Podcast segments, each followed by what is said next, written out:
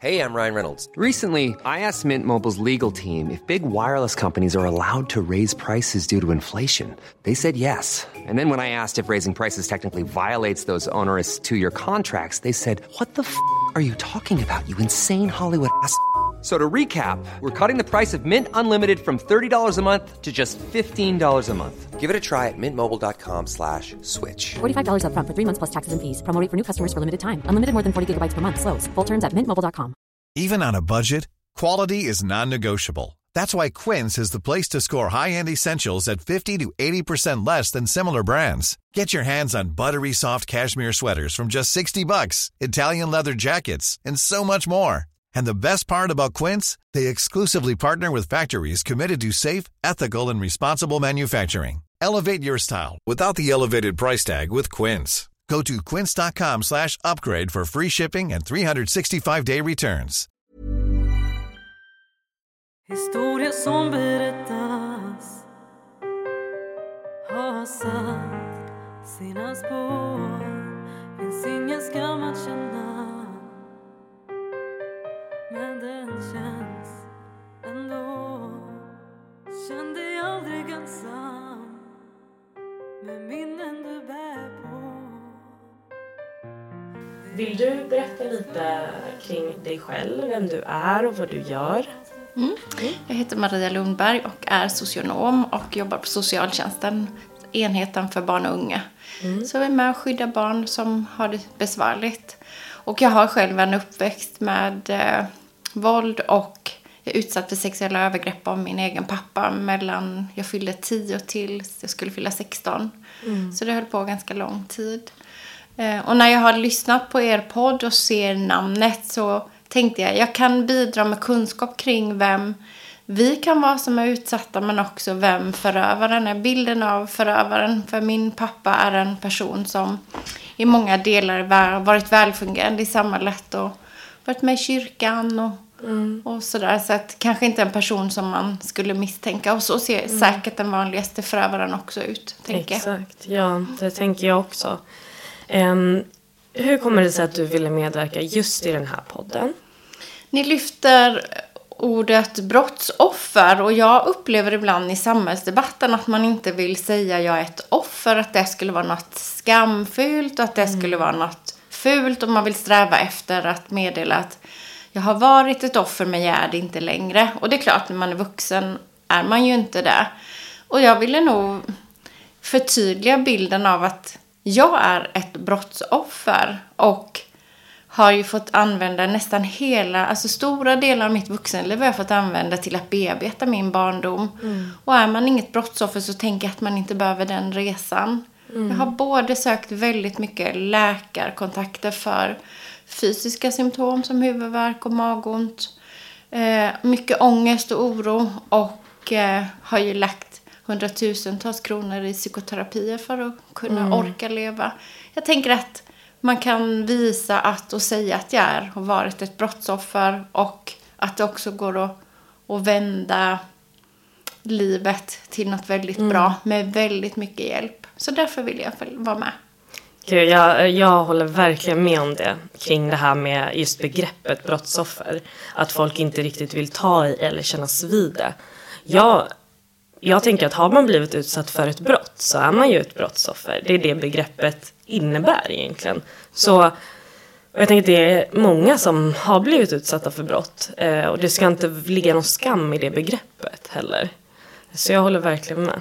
Fint. Jag har även sett att du har varit em, ganska aktiv på andra medier. Det är inte första gången du pratar eh, så här offentligt om din historia. Hur kommer det sig att du valde att vara så pass offentlig?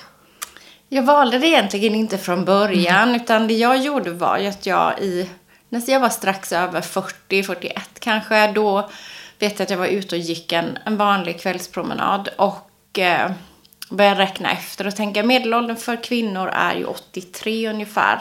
Kanske är det 85 nu men det har varit 83 i alla fall. Och då räknade jag efter och tänkte nej men gud, 40 år till, jag orkar inte leva. Jag orkar inte leva så här 40 år till med de här symptomen som jag har.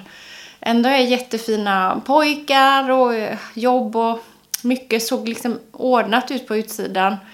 Så jag tänker att eh, det var liksom en, en del som var väldigt bra. Men, eh, och i det så, i den här liksom uppgivenheten så eh, sökte jag terapier eh, för att liksom komma vidare.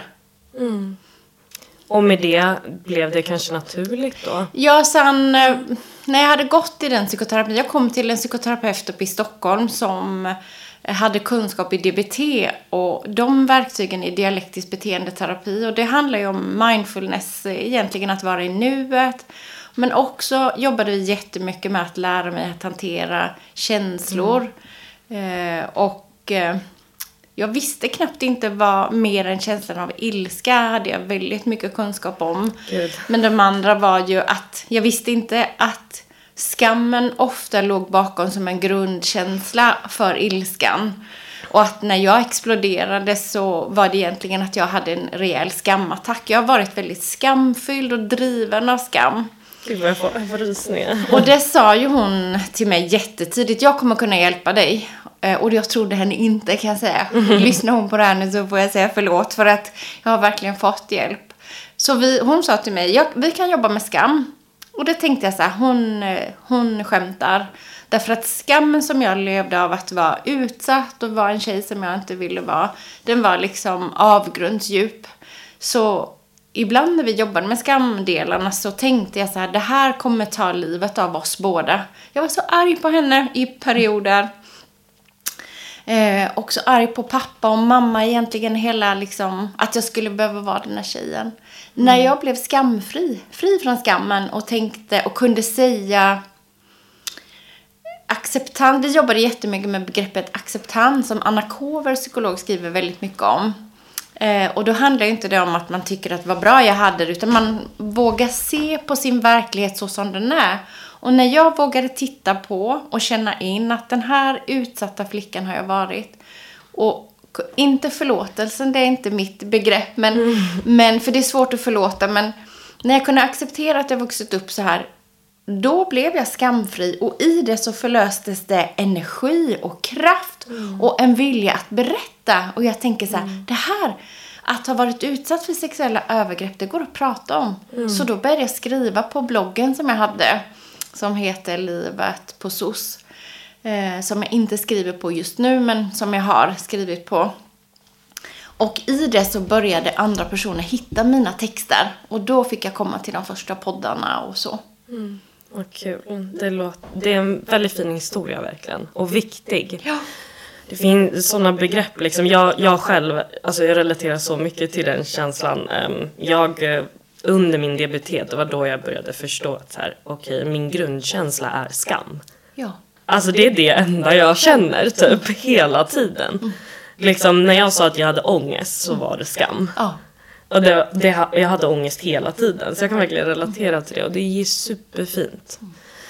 Och det är då, alltså också att dela med sig är också motsatsen av skam på något sätt. Absolut, att börja tala om det, då frigör man ju skammen och också att visa, jag blev också fri från flashback. Jag hade dagliga flashbacks och det kunde utlösas som precis vad som helst, upplevde jag det som. Så eh, jag har varit på gymmet och så pumpat vit tvål så fick jag väl någon spermachock säkert att det var likt det. Och sen att trilla tillbaka rakt in i ett övergrepp och sen känna att, att liksom man tumlar runt i, i en värld som man knappt inte orkar ta sig ut. Och det tog väldigt mycket att hålla mig eh, undan skammen och de här flashbacksen. Det tror jag är det som har tagit mest energi som under min tid, tror jag, som innan jag fick den här hjälpen. Så det har ju frigjort massor och jag tänker att de, de råden... Jag har skrivit en bok nu som kommer komma ut i höst på Ordberoende förlag. Eh, och eh, där skriver jag om en del av övningarna vi gjorde som, som har lett fram till, till de här sakerna.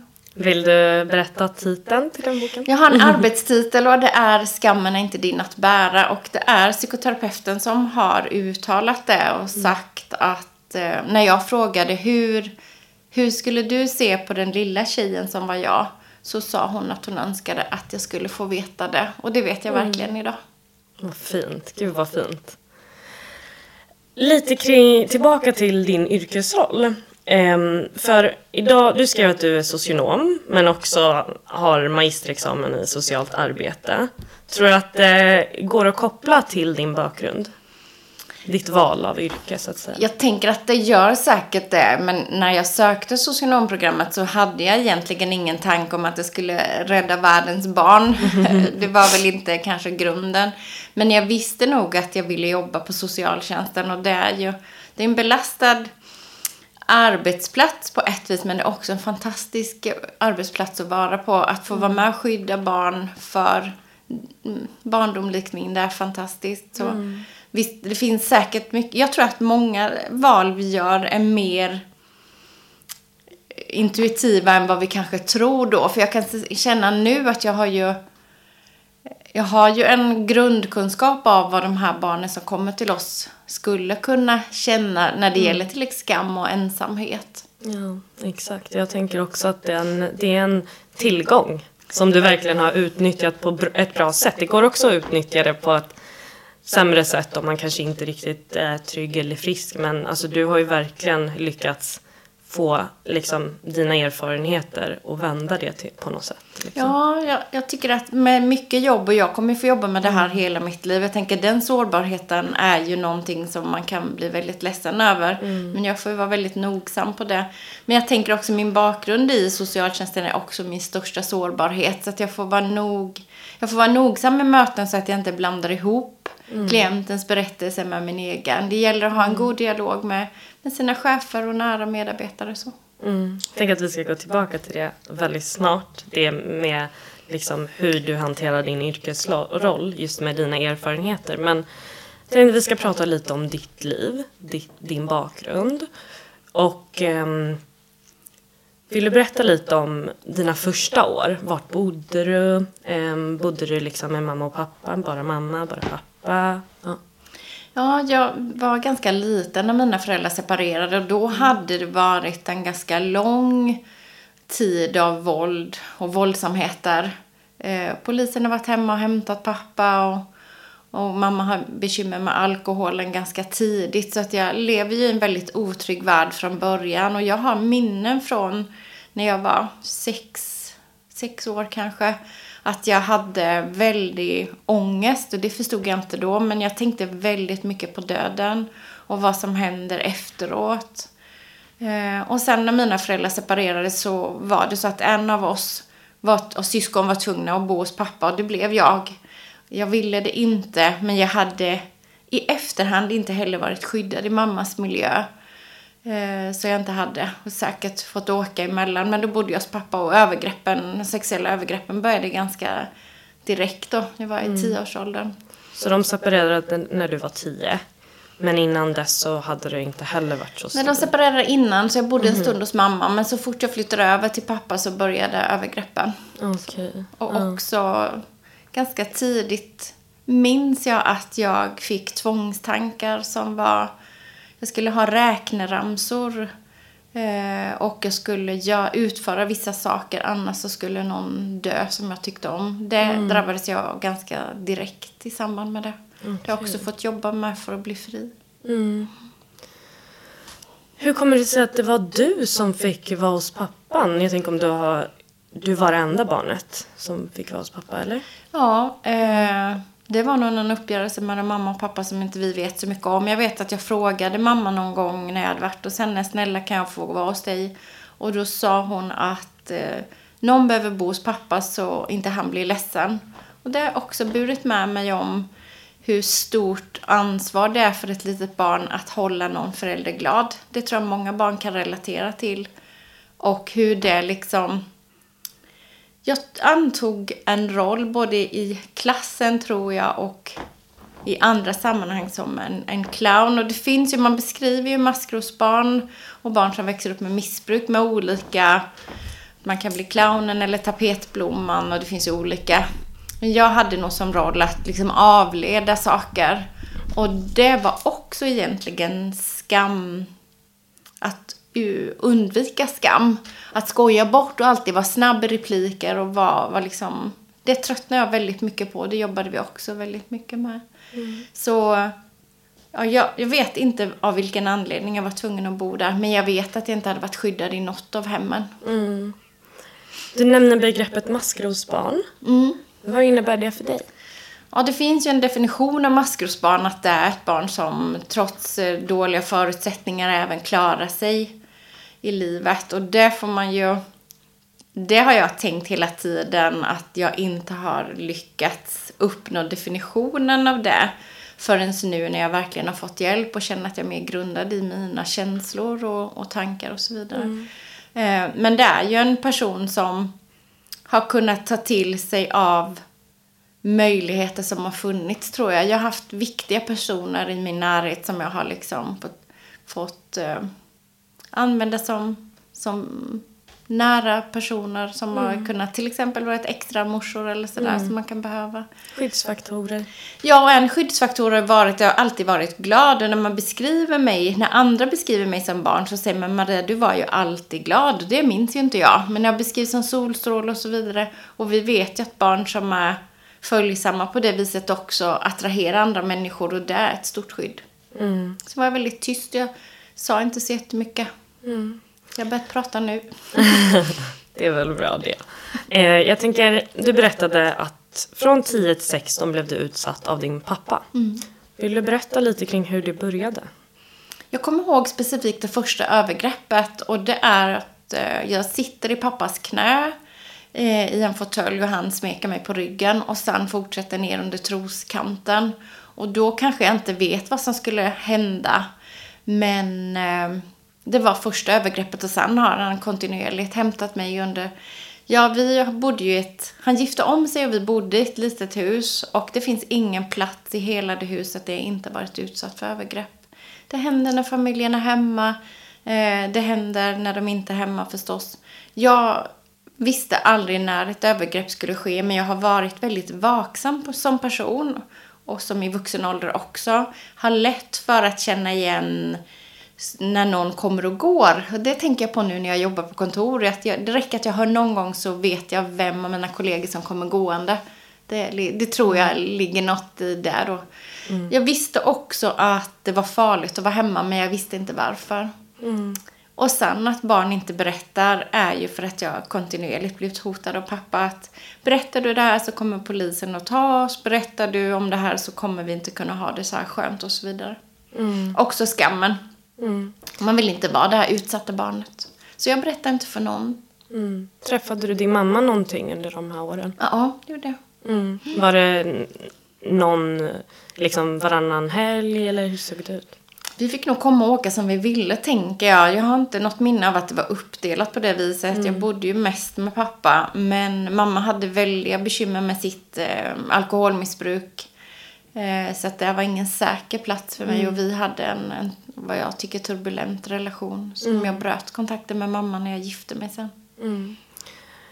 Vill du beskriva lite hur det utvecklades sen? Du berättade att han tog dig på ryggen, det var första. Eh, hur liksom utvecklades det? Det ökade successivt hela tiden eh, och mycket... Jag skulle posera på sängen men det slutade med, precis innan jag blev placerad så fullbordade pappa ett samlag och det tror jag att det hade fortsatt om jag hade varit kvar. Eh, och eh, då vet jag att jag jag minns att jag var i mitt eget rum och att jag som... Jag såg mig själv uppifrån taket. Det kallas för dissociation. Eh, och samtidigt som pappa trängde in i mig så såg jag allt från taket och då försvann också smärtan. Så jag blev smärtfri på det viset. Eh, och sen också har jag haft eh, problem med känsel i bröstvårtor och så vidare. Det stannade av under en lång tid och kom tillbaka sen när jag blev trygg då. Så att det har blivit många konsekvenser av det. Men, eh, och det var under gymnasiet och då hade jag en sjuksköterska som, jag gick ner i vikt, jag slutade äta. Och då hade jag en sjuksköterska där som inte, eh, som, eh, hon ville att jag skulle komma och väga mig en gång i veckan tror jag det var. Jag berättade ingenting men hon fattade misstanke om att jag inte mådde bra och anmälde till oro till kuratorn som meddelade socialtjänsten. Så då gick det snabbt. Då försvann jag ju flyttade jag snabbt från mitt hem då. Använder du maten som någon form av liksom ångestdämpare? Jag vet inte, jag reflekterar inte så mycket. Jag bara tror att jag överlevde. Jag har faktiskt inte svar på det. Jag slutade äta för att jag mådde väldigt dåligt tror jag. Jag fattar. Man kan tänka i efterhand kanske. Pappa berömde ofta min kropp. Så här, vilka, du har så fina bröst och eh, ja, du är den barnet jag tycker mest om och så vidare. Så, så kanske var det någon önskan om att kroppen skulle försvinna. Jag vet att jag har tankar om att jag hade velat vara en pojke. This Mother's Day, celebrate the extraordinary women in your life with a heartfelt gift from Blue Nile. Whether it's for your mom, a mother figure, or yourself as a mom, find that perfect piece to express your love and appreciation. Explore Blue Nile's exquisite pearls and mesmerizing gemstones that she's sure to love. Enjoy fast shipping options like guaranteed free shipping and returns. Make this Mother's Day unforgettable with a piece from Blue Nile. Right now, get up to 50% off at BlueNile.com. That's BlueNile.com. Hey, I'm Ryan Reynolds. Recently, I asked Mint Mobile's legal team if big wireless companies are allowed to raise prices due to inflation. They said yes. And then when I asked if raising prices technically violates those onerous two year contracts, they said, What the f are you talking about, you insane Hollywood ass? F- So to recap, we're cutting the price of Mint Unlimited from $30 a month to just $15 a month. Give it a try at mintmobile.com slash switch. $45 upfront for three months plus taxes and fees. Promo rate for new customers for limited time. Unlimited more than 40 gigabytes per month. Slows. Full terms at mintmobile.com. Nu är jag glad för att jag är tjej. Så det, men, men eh, förut har jag tänkt så här. Och det tror jag hade varit en skyddande faktor för mig. Ja, gud. Ehm,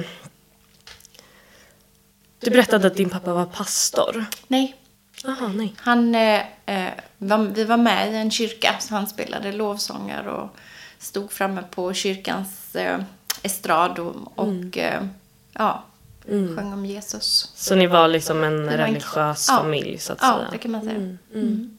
Och hur, eh, hur tänker du att det liksom påverkade andras syn på honom? Ja, men jag tänker att bilden av förövaren, och det brukar jag säga när jag medverkar och vill ha med som kanske det viktigaste medskicket, att grannen som är jätte, jättetrevlig och hämtar din post när du är på semester, att han också förgriper sig sexuellt på sitt barn, det är ju tankar man inte vill tänka. Och det tror jag att vi behöver liksom, våga, våga tala om sexuella övergrepp och våga tala om vem kan förövaren vara. Eh, Min pappa erkände direkt när polisen kom på plats och han sa i förhör att han gjorde det för min skull. Och det är klart att man inte är tacksam för det men det jag har fått, det jag har fått bära med mig är ju att jag har blivit trodd på min berättelse. Vi möter ju många barn på socialtjänsten som har berättat sin berättelse på barnahus i, i polisförhör där förövaren förnekar och då lägger, läggs ju åtalet ner. Ja, så är det ju. Det är ju svårt att bevisa någonting som sker i hemmet och det är ju någonting vi måste förändra liksom. Ja, På något sätt. Jag tänker tro på barns berättelser därför att de, vi- det, vi, det vi vet är att barn berättar för barn. Eh, Så en nioåring berättar för en nioåring och därför tänker jag det är bra att vara uppmärksam om man har barn eller barnbarn att kolla av. Är det någon som har delat någon hemlighet med dig som, som eh, ja, nyligen eller sådär. Så att, så att, vuxna, att det är vuxna som tar initiativ. Och vi vet också att barn testar. Först berättar man lite grann för att se om man håller måttet. Och sen kan man få mer. Så utgångspunkten tänker jag ska vara att barn som berättar, eh, berättar om sin verklighet. Ja. Du berättade också att när du blev eh, 16 sen så flyttade du. Vill du berätta lite kring, du sa att han fullbordade ett samlag och sådär. Din, din sjuksköterska på skolan märkte. Vill du berätta lite kring hur, det, hur liksom hela den här processen såg ut? Ja, då kom jag till kuratorn och då så frågade hon så här hur, hur det var hemma om, om min pappa. Och då sa jag att pappa är dum och eh, det var ju där det egentligen började. Och efter det så kom socialtjänsten på plats och skulle placera mig i ett familjehem. Så då satt jag på ett litet socialkontor och så sa de att vi har hittat en familj ute på landet som har hästar och hundar och katter. Och det, det jag visste då var att jag hade en familj, en kompisfamilj som jag skulle vilja bo hos. Den mamman tyckte jag verkade så jättesnäll. Eh, Så det sa jag som förslag att jag skulle vilja det. Men jag har tänkt i efterhand att socialtjänsten, vi är så duktiga på att hitta, vi vill hitta familjer och att man skulle locka någon, men jag är väldigt rädd för mörker och var ju då. Eh, Jag är ingen som har haft speciellt mycket djur eller sådär och sen komma till en helt främmande familj är ju väldigt svårt. Även om jag förstår socialtjänsten. Så jag fick, eh, jag fick komma till den här familjen. Och Vilken familj? Den med... med min kompis. Ah, kul. ja, Så det var där jag har varit sedan några år. Och det var ju som att byta från, ja, från natt till dag egentligen. Jag har tidiga, eller tidiga, jag har minnen av att eh, jag kom hem från skolan, jag hade svårt att andas, hade väl ångest då. Och familjehemsmamman bäddade ner mig i sängen. Och kom in med en kaffebricka. Då tänkte jag, wow, är det så här man kan ha det? Och sen ville jag vara väldigt mycket hemma. Så under de tiden i livet när andra försöker liksom vara mer utanför hemmet, om man är mycket med kompisrelationer, då vill jag bara vara hemma i gillestugan. Dricka kaffe och fika och så vidare. Jag behövde nog den slags tryggheten. Ja, också kanske landa lite i det nya hemmet. kanske. Ja, det är klart. Och sen vet jag att jag var väldigt noga med att kolla, det har jag berättat tidigare, men jag kollade noga på toaletten så familjen som man hade hängt upp likadan färg på alla handdukar. Jag var väldigt, ville gärna känna att jag var en i familjen. Och de också, det var de också väldigt måna om. Men, men det satt jag och kollade så hon inte hade hängt upp någon annan till mig där. Nej, ja, såklart. Gud. Men gick det här på samma dag eller? Man placeras ju snabbt när, när berättelsen kommer fram. Men, Men- sen har det ju varit en process. Först så skulle ju den här familjen utredas som aldrig varit familjehem. Så under tiden bodde jag hos andra vänner tills det löste sig. Men sen fick jag flytta in där. Men det gick ju väldigt snabbt och pappa fick kontaktförbud, alltså inte röra sig i de områdena.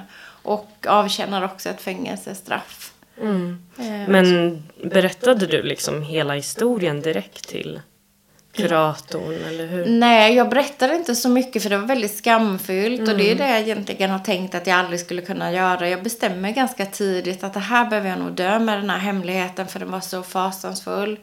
Men jag berättade i polisförhör. Och eh, pappas berättelse var samstämmig med min, vilket ja, var ändå bra då. Och, så, och så spelades jag in där och då sa de att vi spelar in dig nu därför att du inte ska behöva vara med på rättegången. Och rättegången var i september när jag skulle fylla 16. Så jag, eh, då satt jag och eh, var tvungen att berätta berättelsen en gång till. Och det gjorde det via att jag fick frågor som jag svarade på. Men berättat så här och jag, jag vet inte om man gjorde det då, men nu gör man ju läkarundersökningar eller försöker hitta traumabehandlingar eller hjälpa barn på annat sätt, hoppas jag. Men eh, för mig var det inte tal om något sånt, utan jag flyttade från punkt A till B och eh, förlorade också kontakten med mina systrar. Jag har tre systrar som jag inte kunde träffa. Som socialtjänsten inte arbetade med. Vad jag vet i alla fall. Skulle kunna vidhålla den relationen. Var de då, bodde de då hos mamman? Ja, de bodde hos mamman. Min pappa var omgift och de bodde hos en annan mamma. Och eh, de var väldigt viktiga för mig. Och jag minns när socialtjänsten ringde. Eh, mina familjehemsföräldrar hade en sån här telefonbänk med en liten pall eller så här som satt ihop. Det hade man mycket då. Och, sen, och då ringer socialtjänsten och säger att eh, eh, vi har inte fått samtycke till att du får träffa syskonen. Så att, eh, så att det skulle inte kunna bli av. Och då kom jag ihåg att jag tänkte jag ska aldrig mer önska mig något högt. Jag ska aldrig säga en önskan högt. Det har varit ganska tufft. Ja, Det var jättesvårt. Det har betytt mycket. För jag försökte i, i vuxen ålder att hitta kontakten men det har, har inte blivit bra. Hur var det för dig att vara liksom familjehemsplacerad rent generellt? Rent generellt så skämdes jag ganska mycket. Man fick, jag gick upp i gymnasiet och var 16. Eh, de här frågorna om varför bor du inte hemma och så vidare. Det tyckte jag var jätte... Jag, jag ville väldigt länge under min tid vara en helt vanlig tjej. Det var min, på min liksom önskelista. Det här med att man ska sticka ut och vara lite unik. Det var, fanns inte. Jag ville vara så normal som möjligt. Eh, och inte ha den här bakgrunden. Så idag jobbar man mycket med att familjens placerade barn ska få träffas och dela utbyte och så. Jag hade aldrig velat vara med på det. Och när socialtjänsten var på besök, det var det var de här uppföljande besöken för att se, det tycker jag var jätte, jättejobbigt. Jag ville liksom inte låtsas om, och det tror jag mycket handlar om acceptansen av vad man har varit med om. Jag ville inte ens tänka vad, jag ville inte ens tänka på vad jag hade varit med om. Så för mig var det en, en skamkänsla att, att också känna, jag fick ju ett skadestånd sen på 100 000 som jag skänkte bort stora delar av. För jag tänkte att eh, så om man är familjehemsplacerad och i samhällsvård då har man ett pris. Eh, många föräldrar beskriver ju sina barn som ovärderliga. Det är en skam. Jag fattar. Gud vad fint du, du beskrev det väldigt bra där. Fint. Tack. Vad skulle du vilja att allmänheten liksom tänker på mer? Och då tänker jag inte liksom socialtjänsten utan alla, alla vuxna runt omkring. Vad vill du att de ska tänka på när det gäller just utsatta barn? Jag tänker att en viktig del att tänka på det är att man får ofta frågan om tecken på barns utsatthet. Jag hade ju alltid ont i magen, ont i huvudet och så vidare. Barn som alltid har ont i magen eh, mår inte bra. Och vanliga good enough-föräldrar, de tar sitt barn till läkaren för att se, är det någonting som inte är bra? Så att det är ju ett första tecken att, att känna till. Och sen eh, tänker jag att eh, att våga ta emot berättelsen. Socialtjänsten, vi får veta saker sist. Så är det. Socialtjänsten upptäcker inga barn. Det, utan vi arbetar med att skydda barn när det blir, eh, när vi får till oss kunskapen om det. Och eh, så det handlar om att andra vuxna är modiga. Nu många i förskolan och så vidare som är yrkesverksamma är ju duktiga på att fånga upp symptom. Eh, men barn som vi kan få när vi lämnar in en, en skolkonsultation till exempel vid en utredning, då kan vi få tillbaka att eh, Lisa söker väldigt mycket vuxenkontakt. Då tycker jag man ska vara uppmärksam. Det kan vara barn som tycker om att prata mycket med vuxna, men någon som hela tiden vill söka kontakt eller berätta väldigt mycket, då tycker jag man ska vara uppmärksam på det och tänka, finns det något bakom? Och då behöver vi våga frågor, ställa frågor om det. Och eh, ta emot svaret. Och det tror jag att vi vill inte, som jag sa tidigare, vi vill inte tänka eller vi vill inte anklaga en annan person för det värsta brottet som egentligen finns. Eh, Så att jag tror att det gör att man är orolig egentligen. Och vad hade du behövt att någon, om du berättade för en vuxen till exempel. Vad innebär att vara, kunna ta emot berättelsen? För att man som vuxen kanske inte man kan bara liksom, vad ska man göra? Om det är så att ett barn berättar om att man far illa så är det till socialtjänsten man ska vända sig. Man kan också då göra en polisanmälan, vilket jag tycker att man ska göra. Och det är den vägen man får gå. Yes, okej. Ehm, vad skulle du vilja att socialtjänsten gör annorlunda? Ja, det är en mm, ganska bred fråga. Men socialtjänsten inom enheten barn och unga, där, vi, där det gäller mottagningen, det handlar ju om att eh, agera snabbt för när ett barn behöver skydd. Och det tycker jag socialtjänsten i regel är bra på. Eh, och sen handlar det om att socialsekreterare egentligen, vi går ju en grundutbildning som är socionomutbildningen. Man kan jämföra den med sjuksköterskeutbildningen egentligen. Då får man en bas med olika kunskap och sen är det arbetsplatserna som ska eh, se till att det finns kunskapsfördjupande på varje enhet. Socialtjänsten kör ju nu något som heter eh, yrkesresan. Och där är det ju socialsekreterare, det ska vara både de som inte har jobbat så länge, som kommer nya och man har mer kunskap. Då ska man få en utökad kunskap där kring olika områden, så det tycker jag är bra. Eh, men eh, att, vad jag skulle önska är ju att socialtjänsten och att man som socialsekreterare hade mer tid för varje ärende. Det är ju en pressad organisation. Men att man också har möjlighet till egen utveckling på ett annat vis. Jag har ju läst en magisterutbildning eh, och haft en arbetsgivare som har låtit mig få vara på viss del av arbetstid då. Och det skulle jag önska att det fanns mer. Eh, Att man kan fördjupa sig inom olika områden, för det gäller att ha kunskap. Du berättade att du har en magisterutbildning. Vad, vad innebär det? Det innebär att jag har läst vidare och kunnat fördjupa mig ytterligare och då jobbade jag mycket med våld och är jag intresserad av våldets konsekvenser så det innebär egentligen det är en forskningsförberedande utbildning där man får lära sig att ta reda på mer om, om olika ämnen egentligen. Valde du någon specifik inriktning?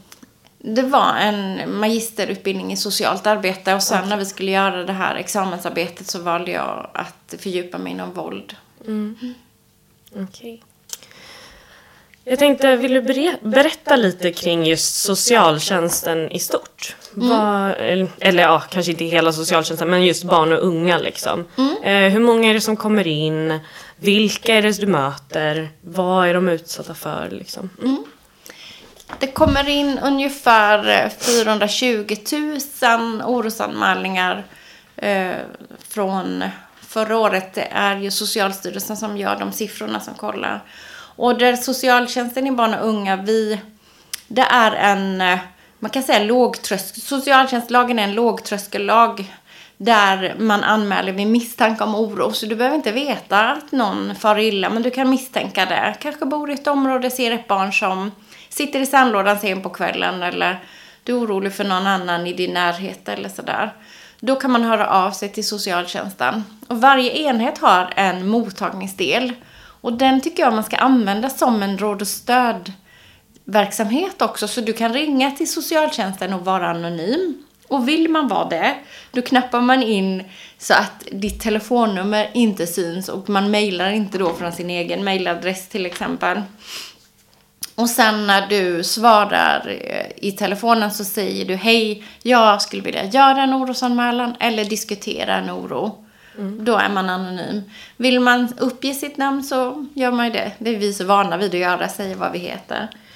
Och, eh, och då skulle du kunna bolla ett ärende eller ett barn som du är orolig med. För den kunskapen har mottagets personal socialsekreterarna där. Vad ska man göra vidare och hur ska man göra? Men kommer det in en vanlig orosanmälan då registreras den och då finns det olika tidsramar. Så inom 24 timmar så behöver man göra på socialtjänsten en, en omedelbar skyddsbedömning. Är det här barnet i akut fara? Behöver det här barnet byta hem? Så som jag behövde göra. Eh, eller eh, är det skyddat? Så då får man ringa och då får vi bara ta eh, kontakt med vårdnadshavare, anmälaren förstås och barnet det gäller. Och då är det så att skulle man behöva ta någon mer kontakt för att kunna säkerställa skydd. Vi säger så här, jag måste ringa och kolla. skolan finns det, eller så? Ja, skolan eller finns det en mormor som kan skydda? Måste jag ta en extra kontakt eller göra ett hembesök? Då är det som om vi har öppnat utredning. Och sen har vi 14 dagar på oss att bedöma, ska det här bli en utredning eller ska det inte det? Är oron så hög att socialtjänsten ska komma in och finnas i en längre kontakt med familjen? Eh, och det är ju en chef som fattar det beslutet. Eh, och vissa, vissa socialtjänster har också delegation för att fatta beslut och öppna utredning. Så, och sen om det kommer till utredning då är det ju två utredare på socialtjänsten som får ta in all information som man behöver för att fatta beslut i frågan. Så då kan man hämta in om pappa kanske har någon domstolsdom eller BUP-kontakten kan det ju finnas. Så man får hämta in allt egentligen. Och den får pågå i, utredningen får pågå i fyra månader. Och när de fyra månaderna är slut då ska man bestämma, ska den här familjen ha en insats från oss? Ska det här barnet bo i ett familjehem kanske? Ska familjen ha in familjestöd? Behöver man hjälp med, med andra saker? Behöver pappa eller mamma ta emot hjälp för missbruk och så vidare? Men de allra flesta, så man kan se det som en tratt egentligen. Det kommer in väldigt mycket anmälningar. Några stycken går till utredning och några gör inte det. Och när man väl har varit i utredningsprocessen som är fyra månader så går väldigt få ärenden egentligen också då till en insats. Och det är så den lagstiftningen ser ut. Och sen finns det ju en till som är en tvingande lag. Det är ju LVU, lagen om vård av unga. Och den använder vi när föräldrar inte ger samtycke till insatser. Vill du ge lite exempel på öppenvårdsinsatser och slutenvårdsinsatser? Eller slutna insatser liksom. Mm. Ja, det, blir i så fall eh, öppenvård kontra en, en tvingande i så fall, tänker jag. För det som, är, det som händer är ju att eh, i, socia all, i socialtjänstlagen så är den bygger på frivillighet och samarbete. Så du behöver samarbeta med vårdnadshavarna för varje given insats. Är du 15 år så kan du ansöka om insatser själv. Men vi behöver föräldrarnas eller vårdnadshavarnas eh, medgivande för att kunna bevilja. En sån insats är ju till exempel då eh, att man skulle kunna vara i något slags avlastningshem eh, som kallas för kontaktfamilj då, där man är en helg i månaden kanske. Eh, det handlar också mycket om föräldrastödjande insatser via öppenvården. Då kan personalen, det är utredaren som skriver uppdraget, men den här öppenvårdspersonalen som är socionomer som är vidareutbildade, ofta i psykoterapi och så vidare, eh, då är de hemma i familjerna för att se eh, vi säger att du har bekymmer med ett barn som inte tar sig till skolan till exempel. Kan man säga. Finns det någonting vi kan hjälpa till med för att eh, kanske både öka motivationen och hjälpa föräldrarna att orka. Föräldrakonflikter, då finns det, eh, det finns ju någon grupp som heter Skilda världar. Det finns mm, flera olika instanser egentligen, eller, eller kurser som man kan få gå, så föräldrastödjande kurser egentligen, som vi sänder på. Men om jag är en förälder nu som har eh, problem med, vi säger att jag har en son. Han har svårt i skolan, eh, han kanske har lite diagnoser. Så det är liksom inte en akut placering som krävs. Men det behövs, jag tror att må- många inte riktigt har koll på att det faktiskt finns och att en, en orosanmälan inte behöver innebära att någon tar ditt barn.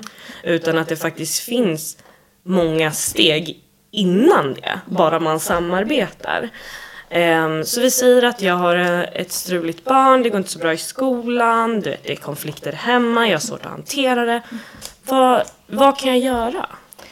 Det ena är ju om man har diagnoser, då har man ofta en kontakt med BUP, eller i alla fall första linjens eh, mottagning, där man får stöd eh, kring hur man också kan hantera föräldrakonflikter som kan bli av det.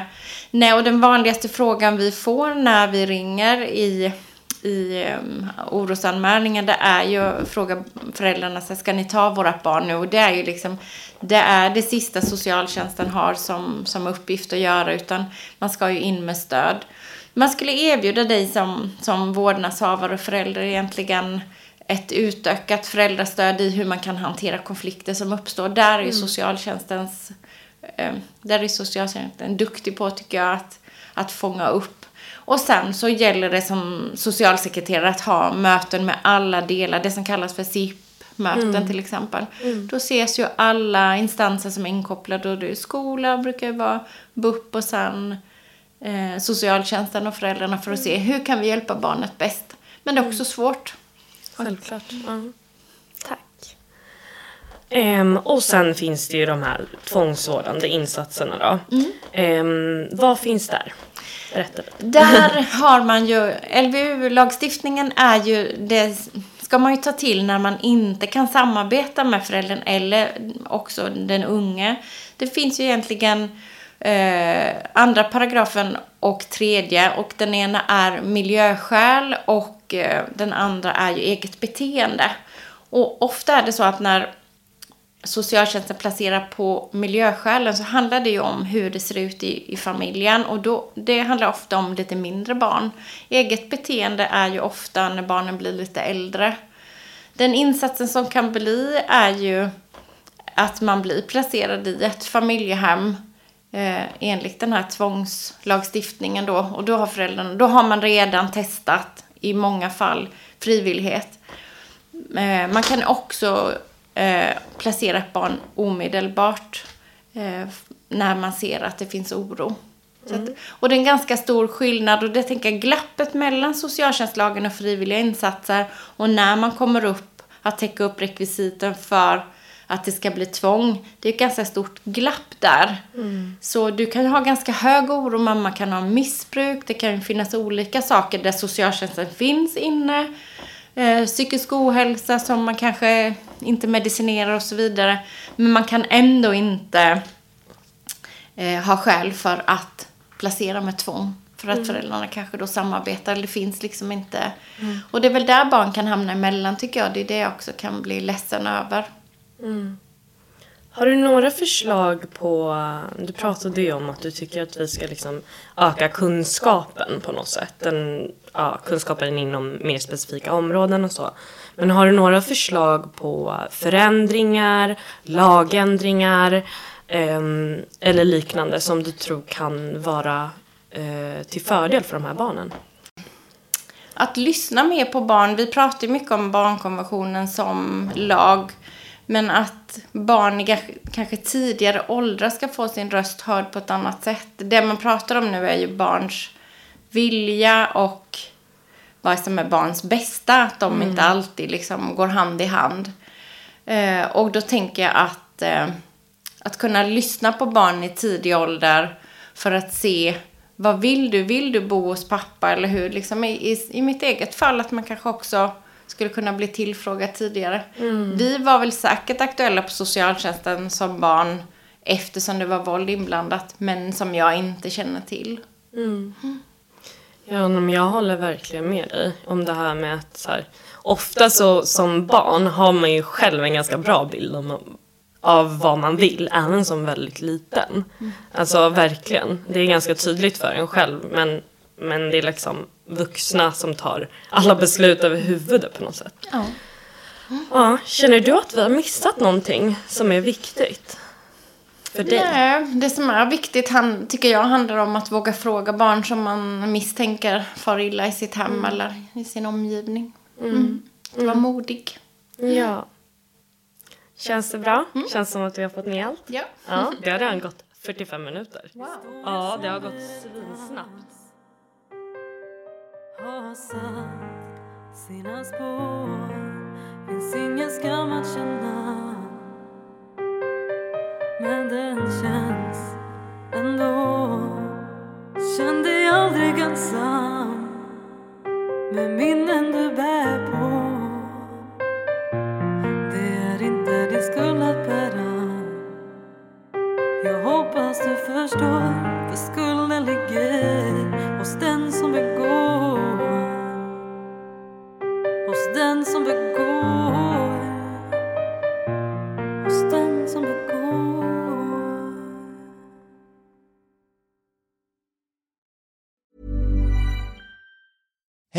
It's Danny Pellegrino from Everything Iconic.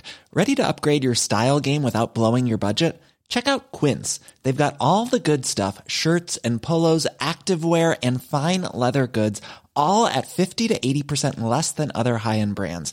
And the best part? They're all about safe, ethical, and responsible manufacturing. Get that luxury vibe without the luxury price tag. Hit up quince.com slash upgrade for free shipping and 365 day returns on your next order. That's quince.com slash upgrade. Imagine the softest sheets you've ever felt. Now imagine them getting even softer over time. That's what you'll feel with Bowl and Branch's organic cotton sheets. In a recent customer survey, 96% replied that Bowl and Branch sheets get softer with every wash. Start getting your best night's sleep in these sheets that get softer and softer for years to come. Try their sheets with a 30-night guarantee. Plus, get 15% off your first order at bowlandbranch.com. Code BUTTERY. Exclusions apply. See site for details.